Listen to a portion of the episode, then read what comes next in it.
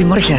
Ik Goedemorgen. bijt vandaag in de rotonde in Westende met Paul Michiels. Goedemorgen, Paul. Goedemorgen, Christel. Goed geslapen. Ja, heel goed. Heel rustig. Ja. Met de gitaar naast jou?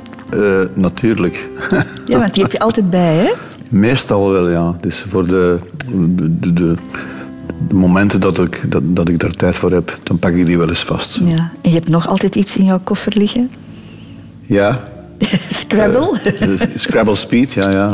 Daar eh ambeteer ik heel veel mensen mee. Sommige mensen doen dat graag. Sommigen zeggen, nee, dat is niks voor mij. Maar, eh, Je hebt mij overtuigd, alles sinds Ja. gisteravond. hebben we toch lang gespeeld, hè? Ja, ja, ja. En je hebt me overtroefd. Ik kan het niet halen van jou, maar jij bent meer geoefend, uiteraard. ja, je moet dat eigenlijk oefenen. Hè. Radio 2. De Rotonde met Christel van Dijk. Paul Michiels, de rotonde van jouw leven en alle afslagen die jij daarop genomen hebt, daar gaan we het vandaag eens eh, over hebben. Maar eigenlijk heb je dat al voor een stuk gedaan, want jouw biografie is vorig jaar verschenen. De melkboer belt nooit aan. Ja. Was dat confronterend om zo terug te blikken op jouw leven? Dat is wel raar als je zo eh, van het moment dat je kan denken, alles begint gaan op te schrijven. Zo. Van het moment dat ik kon denken, dat was vanaf mijn twee jaar, denk ik, dat ik eh, flitsen, in, eh, flitsen heb. Zo jong, ja. Ja. ja. En dan gaat het chronologisch. Dan k- gaat, je hebt dan nou vast aan, aan wat je hoort op de radio, bijvoorbeeld, liedjes.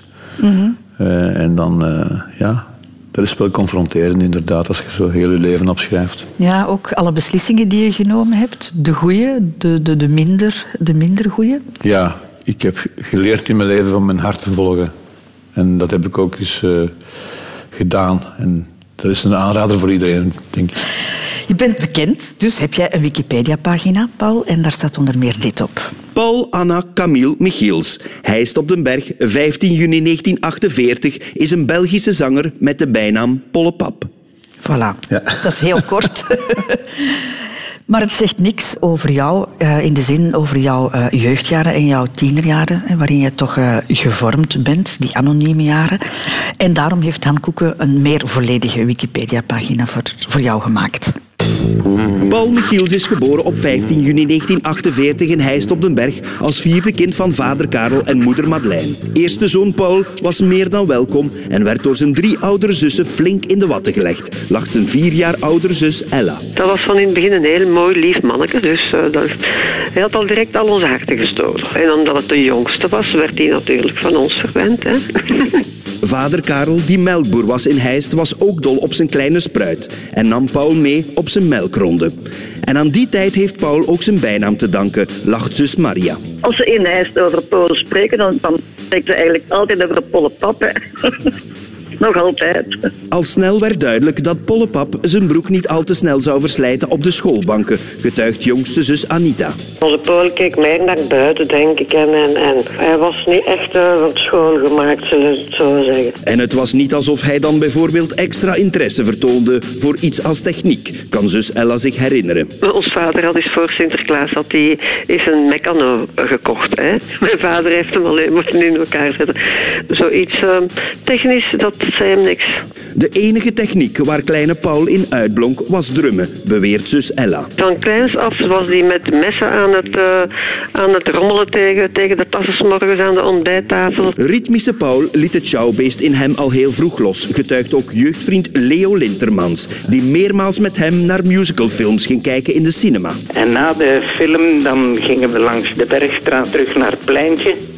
En dan dansten we van aan eh, de cinemazaal tot aan het pleintje, de, de Jets. En dan zongen we de muziek van West Side Story. Paul was geboren voor de wereld van muziek en show. Dat maakte hij ook duidelijk tijdens zijn melkrondes, herinnert jeugdvriend Harry van der Heijden zich. En hij kwam ook bij ons, bij mijn ouders. En op een keer eh, gaat hem buiten met zijn, nadat hem zijn melk afgeleverd had.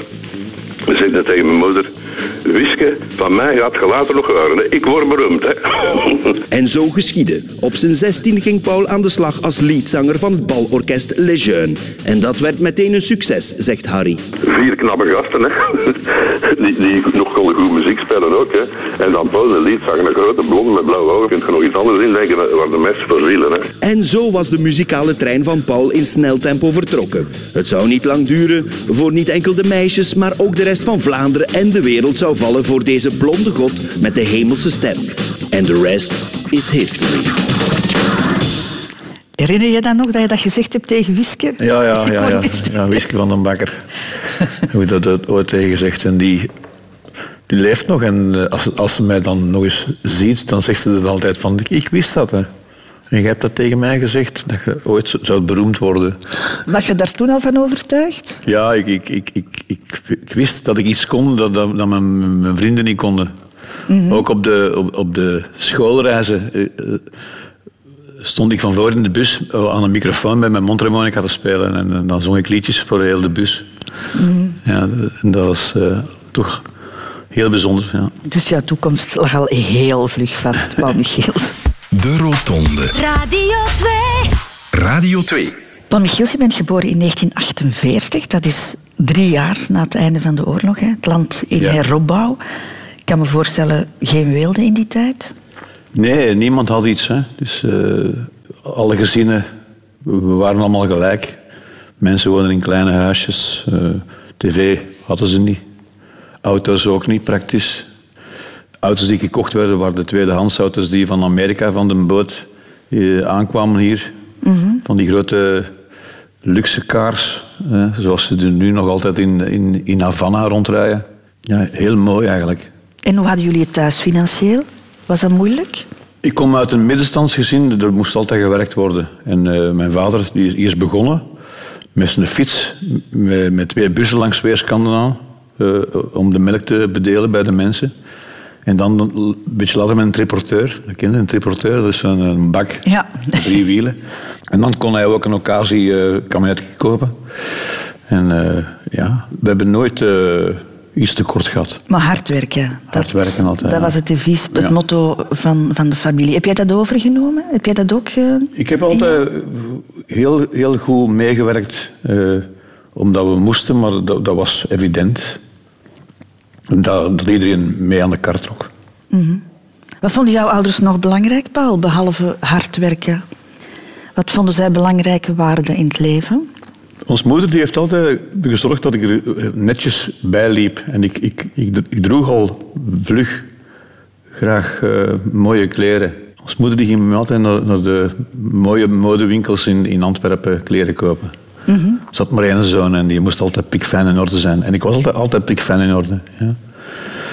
En mijn vader, dat, dat was eigenlijk een, een dromer, gelijk als ik eigenlijk. Die, als die melkronde gedaan was in de, in de vroege namiddag, had hem zijn visgrievel klaarstaan, dan ging hem vissen aan de net. Maar dat heeft mij nooit kunnen, kunnen leren. Ik, dat interesseerde mij ook niet. Dus ik ging wel mee naar de neten, maar dan was ik eh, met loodjesgeweer in de, in de beemden aan het rondhangen. Of dat ik iets kon verschalken. Eh, of, of aan sport heb ik ook nooit gedaan. Mijn vader voetbalde graag, en, maar heeft van mij geen voetballist kunnen maken. Dus eh, ik, ik, liep, ik liep altijd met mijn kop in de lucht. Mhm. Maar het dromige heb je dus toch wel van hem. Hè? Ja. De eerste zoon na drie meisjes, hè, vier, vier kinderen. De lang verwachte zoon ook. Hè? Ja, en dan is hij beginnen sigaren roken. Van het moment dat hij mijn zoon had, zou hij sigaren roken. Dus hij wou doorgaan met kinderen totdat er een zoon Ja. kwam eigenlijk. Dus jij was het, het, het, het prinsje in huis. Eigenlijk wel, ja. Die drie dochters dan, die drie meisjes. hè? ja. En dan tussen die meisjes groot worden, dat, is, dat was ook wel plezant eigenlijk. Want ik, ik ben altijd een verwend nest geweest thuis. Dus ons, ons Poleke. Ik was ons Poleke, hè. Ja. Heb, je daarvan geprofiteerd? Ja, dan ja, echt? dikwijls. Ja, ja. Ons Poleke had het nooit gedaan. Ons Poleke doet dat niet, zei ons moeder. Ah, ja. Als er iets gebeurd was. Wist je dat als kind of voel je dat als kind? Van ik ben hier wel iets bijzonders? Ja, eigenlijk wel. Eh, ik zeg het, eh, ik, ik was heel verwend en ik kon nooit niks misdoen. En heb je dat eigenlijk dan doorgetrokken in jouw verdere leven, Paul? Want ik bedoel, als je als kind al zoveel aandacht gekregen hebt. Ja, ik, ik ben altijd zo'n een, een, een ballon die je opblaast en loslaat, die kun je niet pakken. Ongrijpbaar ben Ja. jij. Bedoel je dat? Ja, ongrijpbaar inderdaad. En die aandacht, is dat iets dat je, waar je heel je leven nog naar op zoek ben- bent gegaan ook? Want als je dat gewoon bent... Ja, en, maar dat lukte mij ook altijd. Ik, ik, ik, kon, ik deed altijd iets waar ik eh, de aandacht mee trok. Ik verkleedde me ook al dikwijls in clown als ik kind was. En dan maakte de hele familie aan het lachen op de, op de feestjes. Dus van die dingen. Of dan ging ik op een stoel staan en dan, dan zong ik een liedje. Maar altijd, dat was, de, de stoel was in die tijd al mijn podium. Zo Ah ja. als ik kind was. Ja, en ik heb altijd blijven dromen van eh, hetgeen wat, wat, wat ik nu nog altijd doe. Je hebt wel een goede jeugd gehad, denk ik, hè? Ja, maar in die tijd. Dat, ik ben opgegroeid in, in de mooiste periode van, van, de, van de mensheid, denk ik. Die, die, die 50 jaar, die- vanaf 48, dus wat er toen allemaal gebeurd is. eh, Dus de, de technologie en, en, en, ja, en muziek, zeker een vaste muziek, die ineens daar was eh, vanaf de jazz tot, tot de pop. Al die jaren, dus, eh, dat zijn eigenlijk de mooiste jaren die, die een mens heeft kunnen meemaken. Paul Michiels, we hebben het daar net al over gehad. Hè. Na drie meisjes was jij daar dan plotseling het lang verwachte jongetje. Waar misschien ook wel veel van verwacht werd. Dat weet ik niet, dat, dat ze van mij zoveel verwachten. Ze hadden al vlug door dat ik op school niet veel betekende. Ik was geen dommerik. Ik was altijd eh, op het einde van het schooljaar, zo, hing ik tussen...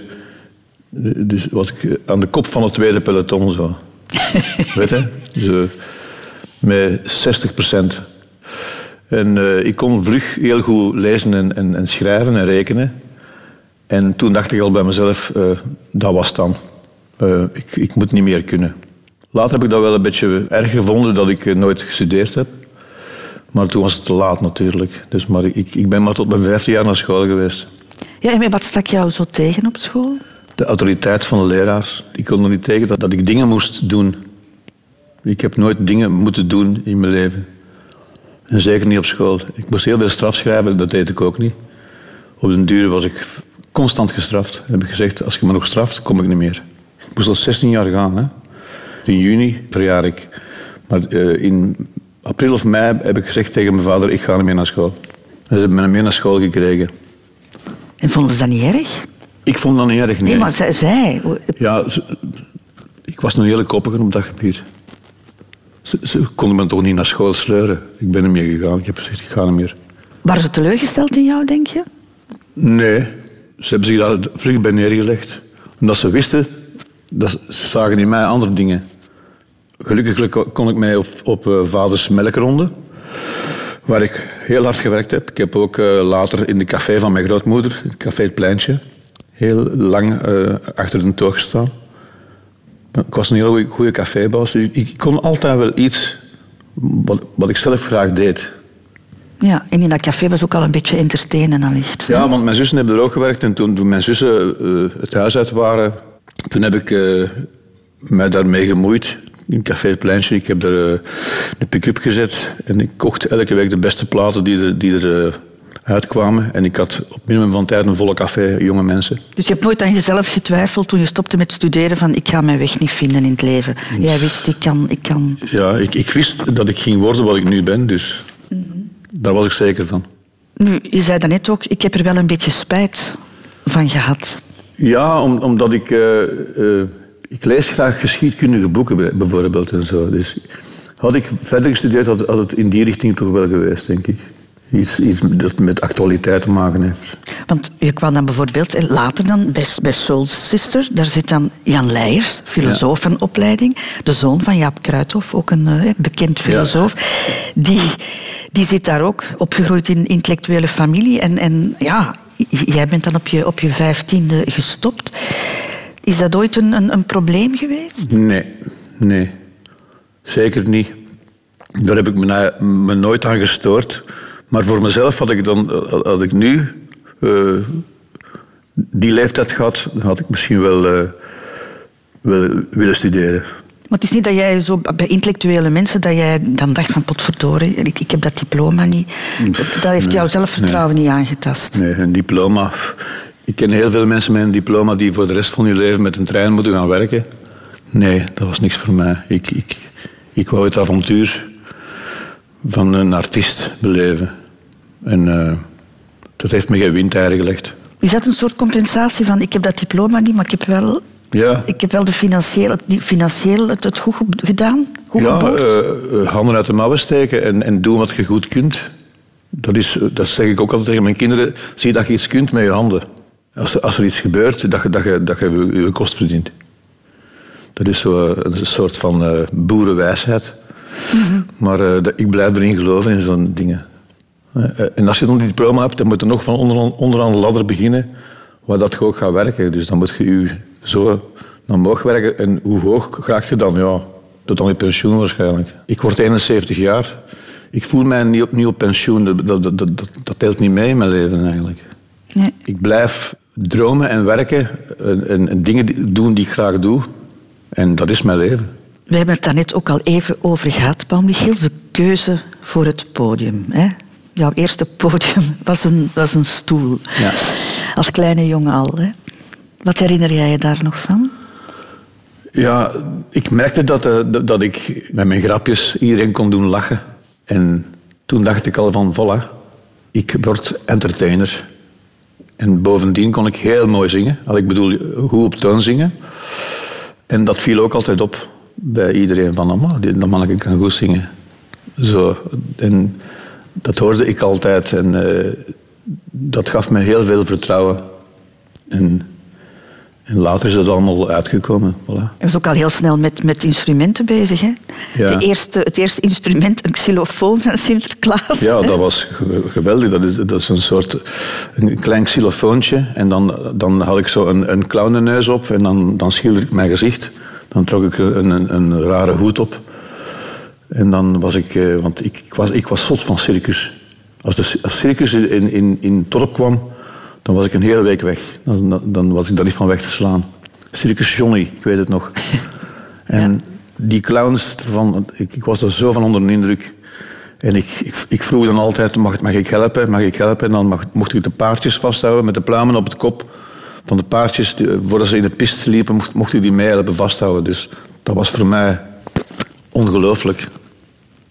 Circus boy was ik. Ja. ja, ik kan me wel voorstellen dat dat jou wel aantrok. Want ik bedoel, in Heist om den Berg, denk ik, op dat moment was er niet zoveel te beleven. Hoewel één pikante cinema was er wel, zeker. Ja, is cinema, cinema Rex, ja. Da- da- Daar, da- daar stonden we ook altijd op te gapen. Eh, op, die, eh, op die foto's van die blote vrouwen met, met, met bandjes erover geplakt. Ja. Dat was geweldig. Maar wat trok jou zo aan in, in, in dat circus? Het, het entertainende, maar misschien ook het, avontuurlijke. Die mensen waren niet gebonden aan één plek Ja, natuurlijk. die, die leefden in woonwagens. En, en die, die woonwagens die stonden rond, rond dat circus. Ik, ik tekende ook altijd de circus met woonwagens rond. Daar kon ik zo uren mee bezig zijn met, met, een, met een tekening te maken van een circus. En eh, ja, dat was voor mij het het avontuur dat die mensen dagelijks beleefden. En, en dan optreden in dat circus. Die clowns en, eh, en, en al die eh, acrobaten en zo. Dat vond ik heel boeiend. Had jij toen als kind al het gevoel zo van... Heist is te klein voor mij, ik, ik, ik wil meer? Ja, en toch heb ik, ben ik altijd in huis blijven wonen. Want eh, ik weet nog, toen ik eh 18 was, ging ik naar Londen voor tien dagen. Ik had heel veel centen verdiend met mijn eerste orkest Le Jeune. En ik moest toen bij het leger daarna. En ik zei, ik ga me- mezelf een keer verwennen. En ik pak een vliegtuig naar Londen. En ik heb dat toen allemaal gedaan. Ik heb op Sloane Square zat ik in een hotelletje. Een, een, een chic hotel. En elke dag was ik op trot. Ik, ik weet niet hoe dat ik het gedaan heb, maar ik heb het allemaal alleen gedaan. En, en, eh, maar verder ben ik nooit geweest, want toen dacht ik al van als ik nu de boot pak naar Amerika, dan begint het avontuur. Maar ik heb dat nooit gedurfd. En waarom niet? Omdat ik dan mijn ouders te, te veel zou teleurstellen, denk ik. Eh, en er, erbij, ik zou niet ver gekomen hebben, want ik moest bij het leger. Dus dan zou ik eh, vlug opgepakt zijn geweest en, en terug naar eh, België gestuurd. Om, want de, de dienstplicht was toen nog... Ja. Maar heb je misschien niet genoeg lef gehad in jouw leven? Ja, dat, dat, dat, dat denk, ik, denk ik ook dikwijls aan. Dus, dat ik Om, ja, ik was niet avontuurlijk aangelegd. Ik, ik, ik, ik leefde onder, onder, de, onder, de, onder de kerktoren te veel in Heist. Eh, dat was niet aan de orde van, van, van ik ga vertrekken. Ik, ik, heb, ik heb nooit miserie gehad thuis, dus eh, eh, waarom zou ik vertrokken, vertrokken zijn? Dus, Mhm. Maar het had anders kunnen uitdraaien. Ja. Mocht je nu nog een stuk jonger geweest zijn, zou je het dan wel gedaan hebben? Of, of doel in een andere tijd? ik denk het wel. Als ik, weet wat ik, als ik toen wist wat ik nu weet, misschien wel, ja. Maar ik heb nooit eh, echt veel risico's genomen in mijn leven. Nee? Nee. Omdat ik het te goed had. Radio 2. De Rotonde. Op je zestiende, Paul Michiels, beslis jij... ik ga van muziek mijn beroep maken. Ja. Wat was toen de trigger? Toen ik 16 was, dat was in 1964, toen eh, waren de Beatles al heel populair met de film A Hard Day's Night. Maar ook eh, voordien waren er al geweldige idolen van mij, zoals Elvis Presley, eh, Buddy Holly, Liz Richard, eh, Jerry Lee Lewis, Ray Charles. eh. En toen wist ik al van als ik nu een, een orkestje vorm, dan gaat het avontuur beginnen. En het was inderdaad zo. Ik, ik koos dan ook nog een Franstalige naam. Ik, Les Jeunes? Les Jeunes. The Young Ones was toen eh, een, een grote hit van Cliff Richard. En ik eh, ging opzoeken wat dat in Frans betekende. Dat heette Les Jeunes. Ik dacht bij mezelf, ik ga een Franstalige naam pakken. Dan kan ik ook rond de, de faciliteitsgemeente rond Brussel eh, gaan spelen. Je bent toch wel een slimmerik, hè? Ja, Dit was een, commer- een commerçant in jou toch ook, Ja, hè? dat pakte ook. Hè. Ik speelde in Duisburg, Jezusijk, eh Halle. Al die eh Vilvoorde, Machelen. In die tijd werd er nog veel Frans gesproken. Hè. Maar ik speelde allemaal liedjes van de Beatles en de Kings en de Rolling Stones. En, dat, en iedereen was er gewoon weg van. Dus wij waren dus vier jongens, vier jonge knapen, heel mooi gekleed. Ik weet het nog goed, dat is- we hadden zo'n chilekes aan in, in, in Schotse ruit. Met een, een leren dasje. Een knappe, spannende broek. Zo echt, eh, wij waren echt vier knappe jongetjes. En wij gingen drie keer per week optreden. Was jij degene die daarover nadacht, Paul? Ja, Van, ja. Jij En ik- dokterde dat uit. En ik, ik, ik eh, leerde ook iedereen eh, zijn partij spelen. Wat ik zelf... ja, ik, ik was ook zo self-made als, als ik groot was. Dus ik, ik, leer, ik leerde akkoorden of, op piano of, of, of op gitaar. Eh, ik, ik vond ze zelf uit en dan gaf ik dat door aan, mijn- aan mijn vrienden. En op den duur hadden wij, ja, konden we al die liedjes spelen. Hadden wij een repertoire van 50, 60 liedjes die we konden spelen. En, maar je combineerde dat nog altijd wel met de, Met de, melk, melkronde. met de melkronde, ja. Dat deed je nog altijd. De melkronde duurde maar tot een uur of één, half twee 's namiddags. Dus mijn vader ging dan vissen en ik kroop dan in de kelder van Café het Pleintje. Had ik eh, helemaal ingericht als, eh, als club. En daar repeteerden wij. En, eh, en al de jeugd van Heist kwam er naar de repetities. En jullie namen dan de melkbus van je vader om overal naartoe te rijden. Ja, ja, dat is toch ongelooflijk? Ja. 16 rijbewijs was toen nog niet nodig, zeker? Nee, nee. Ik, ik reed al met een auto toen ik 17 jaar was. Politie zag, zag je niet op, op, op, de, op de baan vroeger. Hè. Nee, maar het is ook een andere tijd, hè, Paul. Ik bedoel, zou jij nu... Je, je, hebt nu geen... Ja, je hebt wel een aantal kinderen die ouder zijn dan 16, maar kan jij je voorstellen dat je je zoon of je dochter van 16 Nee. in de melkbus naar Brussel zou sturen om, om, om daar op te treden? Nee, zeker niet. Nee, nee. Maar het was een andere tijd toen. Hè. Er reden nog zoveel auto's niet. Maar dat was een heel, heel eh, boeiende tijd. En, en ik had gelijk, het, het, het pakte.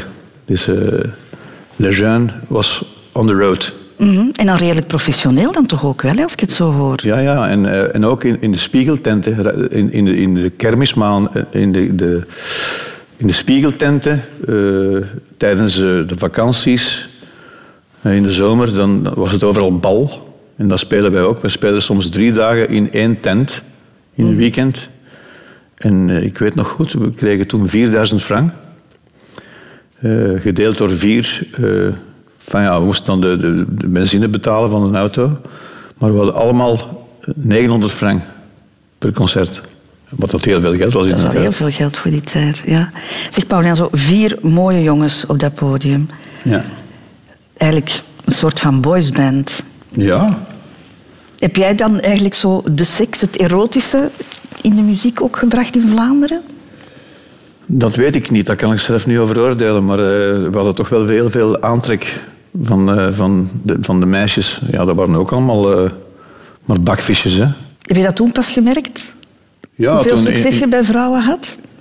Ja, vroeger, daarvoor, dan, dan was ik heel verlegen. Maar ik ben al- altijd heel verlegen geweest. En, en ook de meisjes van, van mijn leeftijd, die, die, die vielen op jongens die ouder waren. Dus we konden ze nooit krijgen, die, de mooiste meisjes. Maar toen, eh, toen ik begon eh, op het podium te staan en, en te zingen en te spelen, dan kon ik ze ineens allemaal krijgen.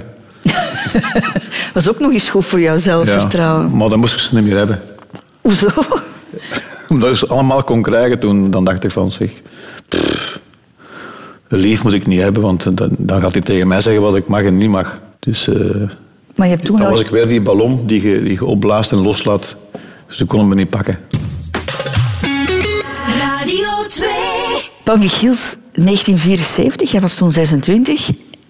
Je deed de melkronde nog met jouw vader. En op een bepaald moment zeg je tegen die man... ik blijf niet mijn hele leven lang melk ronddragen. En toen heb jij beslist om ermee te kappen. Ja, en mijn vader was toen erg teleurgesteld. En, eh, Vond je dat niet erg? Om je vader teleur te stellen? Ja, ik vond dat erg, maar ik, ik dacht ik moet die lijn doortrekken, want ik blijf niet meer nog eens terug naar mijn auto lopen voor tien eitjes en nog eens voor een pakje boter en nog eens terug voor een flesje chocomelk. Ik dacht bij mezelf, dat blijf ik niet doen. Ik heb het toen tegen mijn vader gezegd, ik, ik, doe dat niet meer. Ik heb toen al mijn leeg goed afgehaald bij de mensen en tegen de mensen allemaal gaan zeggen, goeiedag, eh tot ziens ergens, eh, ik word vanaf nu zanger. Maar kon je daarvan leven? Een vrouw en kind moeten onderhouden? Ja, want wij hadden heel veel, eh, veel succes. We hadden heel veel werk eh, met, met Octopus. Dus eh, ik was ook altijd onderweg. We, we hadden zelfs gescoord in, in Nederland met dat liedje I'm So In Love With You. De vertaling van Ik Ben Verliefd Op Jou van Paul Severs. Hadden wij ineens een hit te pakken. Stonden wij weken in de top 10 bij, bij Avra Stop op. Dus die boot was vertrokken. Dus jij wist van mijn beslissing om te stoppen en volledig voor die muziek te gaan Ja. was de goede beslissing. En toen ben ik bij Octopus gebleven tot 79. En heb ik gezegd, dat blijf ik ook niet doen. Ik wil alleen als artiest gaan optreden. En vanaf 1980 is dat dan begonnen. Heb ik eh, het liedje Females geschreven. Mm, Maar dat ging wel een, een, een heel moeilijke en zware periode dan voor Paul. Want inderdaad, wat je toen deed, muzikaal was niet echt jouw ding. En dat heeft ook mentaal toch heel erg op jou gewogen. Ja, dat is waar. Dat is waar. Eh, dat was allemaal, allemaal een beetje... Ja, een, ik was een beetje een losgeslagen boot eigenlijk. Zo. Eh, die, die zwalpt maar. En, eh, Omdat je ongelukkig was in die muziek? Ja, ik, omdat ik, dat ik niet aan het doen was wat ik echt, eigenlijk echt wou doen. Dus de muziek die ik speelde, we, we waren goed. We- we- Octopus was een fantastische liveband. Hè? Maar toch wou ik meer en ik, ik wou eh, eh, alleen dingen gaan doen. Wat en wat ik- bedoel je dan met ik was een losgeslagen boot? ja, omdat ik eh, bijna nooit thuis was. Dat was. Dat was niet zo plezant voor mijn vrouw. Eh, er werd veel gedronken. Ja, en van het een kwam het ander. Dus toen werd ik ziek. Ik, werd, ik kreeg geelzucht. Van mijn, mijn losbandig leven, moet ik maar zeggen. Ik was toen heel ongezond. Ik ben toen maanden moeten gaan plat liggen. En toen heb ik nagedacht over mijn leven. En toen heb ik het liedje Females geschreven. Maar even terugkomen op, op dat ziek zijn. Hè. Je- was fysiek ziek. Maar kan ik ook zeggen dat je in die periode ook dicht bij een depressie zat? Een depressie kan ik dan niet noemen. Nee, een depressie dat is volgens mij iets anders. Maar ik, ik, ik, ik, ik was niet aan het doen hetgeen dat ik eigenlijk wou doen. Namelijk eh, Paul Michiels zijn. Dus ik, ik, ik wou niet meer eh, de orgelist en de, de klavierspeler van, eh, van de Close Harmony groep Octopus zijn. Ik wou meer dingen doen waar dan mijn naam op plakte. En eh, wist ik niet goed dat ik dat moest doen eigenlijk. En, maar in die tijd dronk ik heel veel en ben ik heel ziek geworden. Dus ik, ik kreeg mijn armen niet meer omhoog. Ik dacht van, dit mag niet gebeuren. En dan bleek dat ik eh, hepatitis had. En dan ben ik moeten gaan liggen. En dan heb ik go- goed nagedacht over mijn leven. En dat is een keerpunt geweest in mijn leven. En toen heb ik eh, op mijn ziekenbed heb ik toen females geschreven. Wa- Waar heb je over nagedacht, Paul? Wat, wat, wat Eh, ging er door jou heen, die periode? Ja, om- omdat ik me alweer te gebonden voelde ergens. Ik, ik, ik, ik, ik wou nooit gebonden zijn. En toch eh, overkwam het mij dat ik bij een groep zat. Als ik, als ik daar niet, niet mee ging optreden, dan hadden die gasten geen werk. Dus... En daar ben ik mee, mee gestopt. Dus eh dat wou ik niet meer. Dus ik wou onder mijn naam eh, populair worden. Ben je dan ook gestructureerder gaan leven? Matiger gaan leven? Ja, ik heb toen maanden en maanden niks meer gedronken. Niet dat ik eh, eh, verslaafd was aan alcohol, maar eh, dat losbandig leven, dat is, ik, ik, ik zwalpte maar. Dus dat heb ik toen opgegeven. En toen ben ik terug in, in het caféleven gegaan. Dus bij het café van, van mijn grootmoeder ben ik toen gaan werken. En dan trok ik daar ook veel aandacht om als goede cafébaas eh, eh, Café het Pleintje terug tot, de- tot aan, de, aan de top te brengen. Eigenlijk. Je bent wel een survivor, hè? Een overlever. Ja, hè? dat is eigenlijk, ongelooflijk. Als je erover nadenkt, Ja? dat is inderdaad zo. Ik ben, zo, ik ben een autodidact, tot en met. Mhm. Dus ik ben een self-made man. Dan komt het hele verhaal hè, van, van Soul Sister, ehm, een succesverhaal. Waren dat gelukkige jaren? Soul Sister? Ja. Ja, ja, zeker en vast. En, eh, ik was content dat ik eh, iemand tegenkwam zoals Jan Leijers, om, omdat eh, ik, had, ik kon zo iemand gebruiken. Het was een beetje gelijk als Pieter de Koning en Jan Breidel. Zo. De doener en de denker. Als wij onze koppen samensteken, dan maken we wereldhits. En het is ook gebeurd. En jij was de doener. Hè? Ik was de doener en Jan was de denker. Heb je genoeg respect gekregen, Paul Michiels? Want op je 66ste, vijf jaar geleden, zeg jij in een interview... op een dag zal ik de erkenning krijgen die ik verdien. Oh, amai. dat is wel eh, dat is een zware Je zin. hebt het gezegd, van Ja. Paul. Je hebt het gezegd. Ja. Ehm, ja, en die erkenning is er toch gekomen om- omdat ik gerespecteerd word als, als, als zanger. Eh, iedereen noemt mij de zanger. Ja, als ik ergens kom, iedereen herkent mij. En dat is wel iets dat, dat, dat ik bijzonder blijf vinden. Maar ik ben ook heel erkentelijk tegenover de mensen die ik ontmoet. Ik, ik, ik, eh, eh, ik ben een heel sociale mens. Ik, ik kan in midden, tussen de mensen gaan staan. Dus een beetje gelijk als Simon in de leeuwenkuil zo. Als je tussen de leeuwen gaat staan, bijten ze niet. Hè? Zo voel ik me dan. En ik, ik, ben, ik ben de man- van het volk eigenlijk. De liefde, Paul Michiels, dat is een belangrijke afslag in het leven. Sommige mensen nemen die één keer, anderen hè, verschillende keren. Ehm, jij bindt jou al heel snel, hè?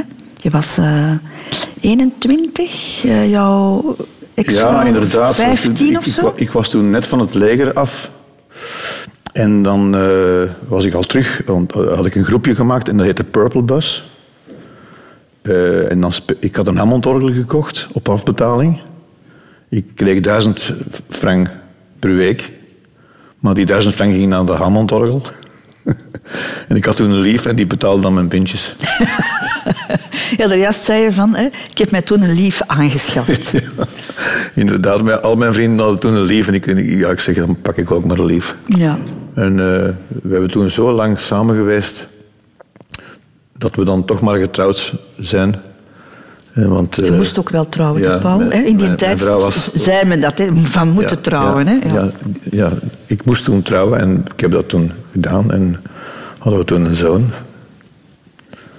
En, eh, maar dan, de volgende jaren zijn er dan ook nog kinderen bijgekomen. Dus eh, ineens was er een tweeling bij. Dus Mhm. dan gaat het snel, hè. Zou je getrouwd geweest zijn mocht, mocht zij niet zwanger geweest zijn? Wel, dat weet ik niet. Dat, dat denk ik niet. Want het was toen inderdaad van, eh, nu moeten we trouwen. En daar nu ook niet verder over nagedacht. Van, is dat de vrouw wel van mijn leven? Met alle respect, hè. Maar dat bleek niet te zijn. Dus eh, dat is ook eh, later bewezen dat dat niet zo was. Maar jij wou wel verantwoordelijkheid opnemen. Natuurlijk. Ja, ik, ik ben altijd heel verantwoordelijk geweest voor alles wat ik doe. Kan jij voor jezelf uitmaken wanneer, wanneer je voelde van... Dit is misschien toch niet de beste keuze die ik gemaakt heb? Of, nou, dit is niet mooi gezegd, de beste keuze. Dat is misschien toch niet de vrouw die helemaal bij mij past. Ja, dat bleek later wel. En, eh, maar ik dacht dat dat aan mezelf lag. Ik dacht, ik, ik ga, dat ga ik een beetje van mij afduwen. En dat zal wel goed komen, vroeg of laat. Maar dat ging van kwaad naar erger. En eh, toen is de, de kruik gebarsten. Heb je geprobeerd om, om het nog een kans te geven? Al? Heb je daar echt daadwerkelijk iets aan gedaan? Want afwachten is natuurlijk niet er echt aan werken. Hè? Dat heeft geduurd totdat ik eh, de vrouw van mijn leven tegenkwam. Tineke. En ja. toen wist ik van, dat is de vrouw van mijn leven en ik moet breken met al hetgeen dat er ervoor gebeurd is. Want uiteindelijk zijn jullie 25 jaar lang samen geweest. Hè? Ja, dat is ongelooflijk. En eh, altijd eh, in het achterhoofd van, ja, dat- het zal wel, wel beteren. Het zal wel aan mij liggen. Ik zal eh, proberen een goede huisvader te zijn en, en, en een goede man. Maar dat heeft geduurd tot ik iemand tegenkwam waar ik helemaal ondersteboven van was. En dan dacht ik van, dat is mijn vrouw. Ja. Punt. Is het ook een, verantwoordelijkheidsgevoel dat je had ten opzichte van jouw gezin? Want natuurlijk, je had vijf kinderen. Dat is ook niet zo simpel om te zeggen van ik laat hier alles in de steek. Hè? Nee, de- iedereen dacht, uh, Pollepap is zot geworden. Eh, wat gaat hem nu doen? We gaan met een jong meisje eh, samenleven. eh, en laat ze een gezin met vijf kinderen achter. Dat, is, eh, dat was geen mooi verhaal. En eh, ja, dat heeft ook lang een vechtscheiding geweest. Dus, eh, maar dat heb ik allemaal moeten bijpakken. Maar in jouw privéleven laat je alles wel wat aanslepen, heb ik de indruk, Paul. Want je kende Tineke al drie jaar voordat je echt beslist hebt om, om voor haar te kiezen. Ja, maar het was niet zo simpel. Hè? Tineke moest nog 19 jaar worden als ik ze tegenkwam. Dus, eh, en eh, ik dacht van, ja, hola. Eh, hoe moet ik dat aan boord gaan leggen? Dus het is altijd geheim gebleven. eh, tot, tot het moment dat ik zei van, nee, ik, ik kan die niet meer missen. Ik, ik wil weg. Het was op. In het Engels kun je dat mooi zeggen. Hè? I fell out of love. In Vlaams is dat, eh, het, het, het is op. En omdat ik de vrouw van mijn leven was tegengekomen, dacht ik van, ik, ik moet daarmee voort. Ik kan die niet meer missen. Ik, ik, ik wil die niet kwijtspelen. Dan eh, heb ik beslist van, ik ben weg. Dus ik, ik ben op zoek gegaan naar een appartement eh, rond Leuven. En dat viel tegen, want eh, de plaats die ik bezocht, wou, daar wou ik niet gaan wonen. Dat was op, op de boven, waar de ou- oude mensen onder woonden. En die dat dan verhuurden en dat wou ik niet. Maar op een goed moment was ik met Tineke in Leuven aan het Adeuzeplein en daar stond een dakappartement te huur. Het was een soort van eh, penthouse. En eh, ik bel naar, die, naar dat nummer en ik had direct eh, die man aan de lijn die dat verhuurde. En daar zijn we toen ingetrokken. En toen ben ik thuis nog angstvallig dingen gaan mee pikken die ik nodig had. Mijn kleren bijvoorbeeld en zo. En hals over kop ben ik daar dan eh, ingetrokken in het appartement. En dat was niet, niet zo'n gemakkelijke beslissing eigenlijk. Maar eh, Het is ook een beetje een rare manier om het, om het te doen, toch? ja, dus eh, ik schrok van mezelf dat ik dat durf. En toen was ik helemaal zeker van, als ik dit durf, dan heeft dat een reden. Omdat ik mijn lief niet wou verliezen. Maar je wist ook dat je mensen pijn deed, natuurlijk. Natuurlijk, Met ja, ja, dus beslissing, dat, is toch, dat weegt toch ook, denk ik, nee? Dat weegt heel, heel erg. Maar eh, door die zure appelen moest ik doorbijten. Dus, eh, daarom blijf ik zeggen, volg uw hart. Want ik, ik heb er achteraf geen seconde spijt van gehad. nee. Maar het was zo en het ging niet anders. Want het had nooit eh, goed gekomen.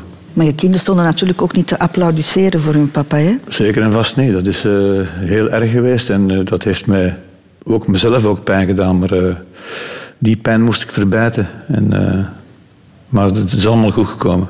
Want de ouders hebben jou toch een tijdje niet meer willen zien, hè, dacht ik. Hè? Dat is waar. En er werd tegen mij gezegd, de, eh, de wonde zal helen. En dat is ook gebeurd. Maar dat was geen gemakkelijke periode, inderdaad. Je had al vijf kinderen. En je weet natuurlijk, als je voor een jongere vrouw kiest, dat je dan ook nog eens de keuze, nog eens voor het vaderschap zal moeten maken. Hè? Ja, natuurlijk. Dus eh, niet direct daarna, maar eh, we hebben toch eh, een hele tijd samengewoond en dan is er toch een kind gekomen.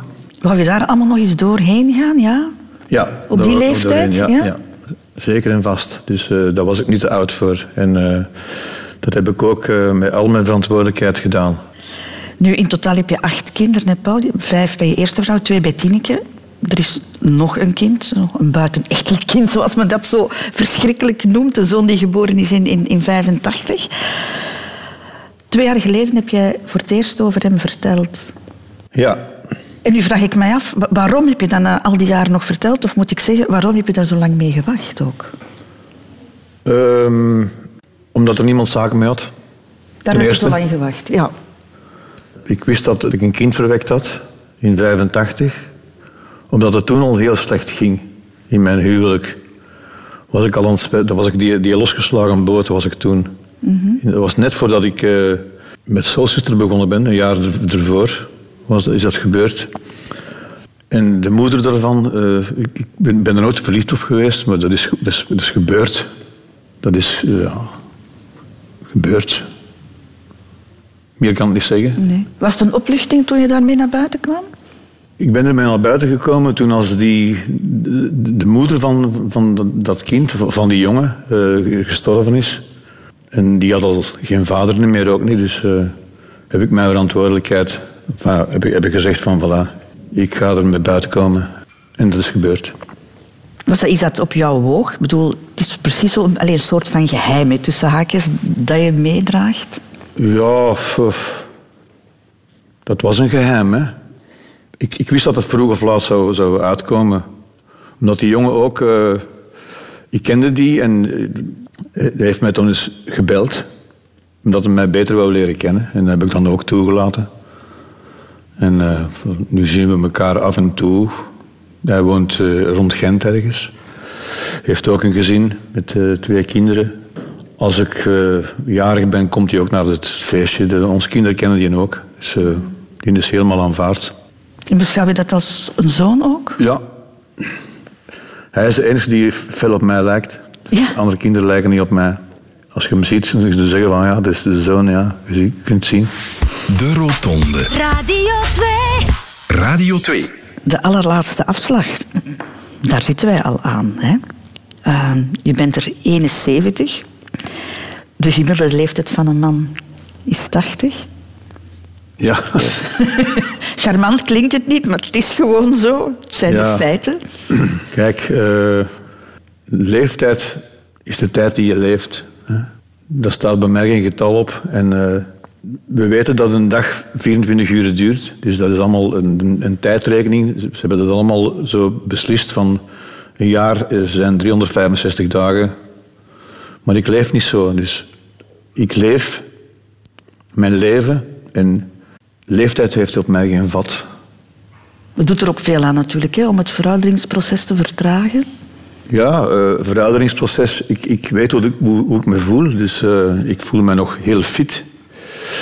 Maar eh, wat ik voel... Dus ik, ik, ik word 71 jaar in de zomer. Dus heel raar. Ik weet hoe, hoe snel dat 30 jaar voorbij is. Dus, maar ik, ik, ik kan niet anders dan elke dag plukken.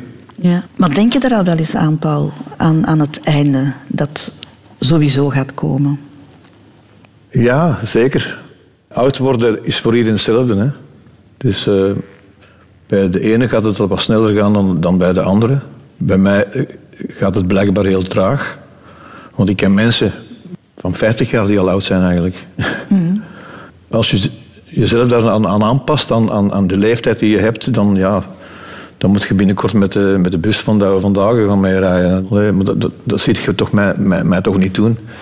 Een lunchpakketje de bus opstappen, eh, met, met mijn leeftijdsgenoten naar de grotten van Han rijden. Met jouw kinderen misschien nog wel, Misschien dat ik natuurlijk. dan van voor in de bus ook ga zingen. Hè? Fijn carrière. Ja, de touringbus. Maar heb je schrik om te sterven, Paul? Ik denk dat iedereen schrik heeft om te sterven. Ik hoop dat het een mooie dood gaat zijn, dat, dat, dat, dat het niet te lang moet afzien. Vind je de dood van je vader een mooie dood? Die is plotseling gestorven, hij was 66. Ja, eigenlijk wel.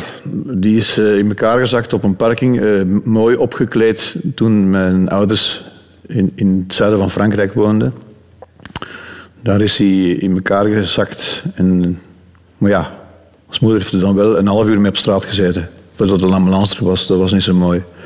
Maar voor mijn vader was dat toch wel een mooie dood, denk ik. Dat, dat hij ineens een hartstilstand kreeg. Maar je hebt wel geen afscheid kunnen nemen Nee, van hem. Had je hem nog dingen willen zeggen? Ja, ik had, ik, daar heb, heb ik lang over nagedacht. Ik had nog zoveel moeten zeggen tegen mijn vader. Maar die was maar 66 jaar, dus eh, in de fleur van zijn leven eigenlijk. Hè. Maar dat is nooit kunnen, kunnen gebeuren. Ik heb nooit mijn vader... Ik heb nooit afscheid kunnen nemen van hem. Misschien moeten we de dingen vroeger zeggen, hè? En niet op het eind van iemands leven, hè? Dat is waar. Dat is waar. Heb je daar spijt van? Spijt, dat is, spijt is, een, is een raar woord. Hè. Ik, ik, ik heb van niet veel spijt in mijn leven. Ik heb de dingen gedaan, bewust. En dan, zoals ik zeg, ja, schepen achter mij verbrand. En dat is eh, niet voor iedereen zo gemakkelijk, maar ik, ik heb dat eh, op mijn manier zo gedaan, ja. Hoe pak je het nu aan met jouw moeder, Paul Michiels? Want jouw moeder is eh, bijna 93, zeker?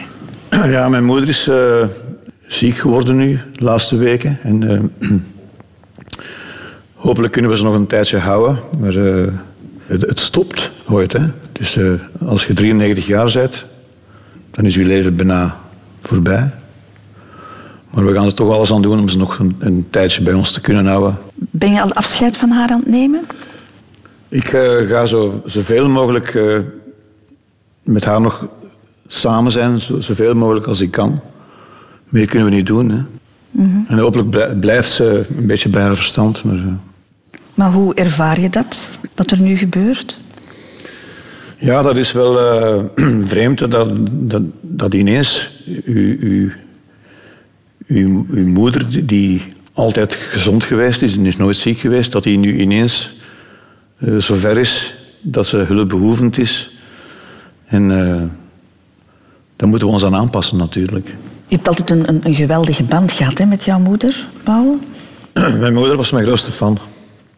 En ze was er ook trots op. Het is heel dikwijls naar mijn concerten gekomen en eh, altijd met de nodige fierheid. Dus mijn moeder was ook een heel mooie vrouw altijd geweest en heel mooi gekleed altijd. En eh, ja, was ook eigenlijk een beetje een ster in mijn leven. Zo. Ja. Paul Michiels, het was heerlijk ontbijten met jou. Dank je wel voor het open gesprek ook. Ehm, ik zal er veel van onthouden, maar misschien vooral toch het feit dat Paul Michiels een overlever is. Hè, wat er ook gebeurt. Dat is waar en ik, eh, ben heel blij dat ik eh, dit mocht doen. Hier aan zee, met jou. En eh, we hebben mooie momenten beleefd. Met de Scrabble Speed gisteravond. Dus, eh, En jouw muziek ook nog, Ja, en mijn muziek, ja. We gaan dat even officialiseren, Ja. het, het, het, het fijne gesprek hier, eh, door middel van een, een tekst in, in mijn gastenboek, lieve Paul, als je dat wil doen. Westende 2019. Ik was met Christel op de rotonde verzeild. Zij zat aan het stuur.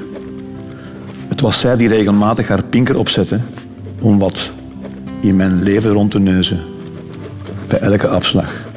Soms ludiek, maar soms ook confronterend. Het was een beetje als een examen zonder punten. Als ik merkte dat sommige afslagen wat moeilijk zijn, slas waren, dan stuurde Christel telkens wat bij. Ze is een goede chauffeur, waarvoor ik haar erg dankbaar ben. Laat ons elkaar nog een mooi leven, een mooi verder leven toewensen. Love rules, Paul Michiels.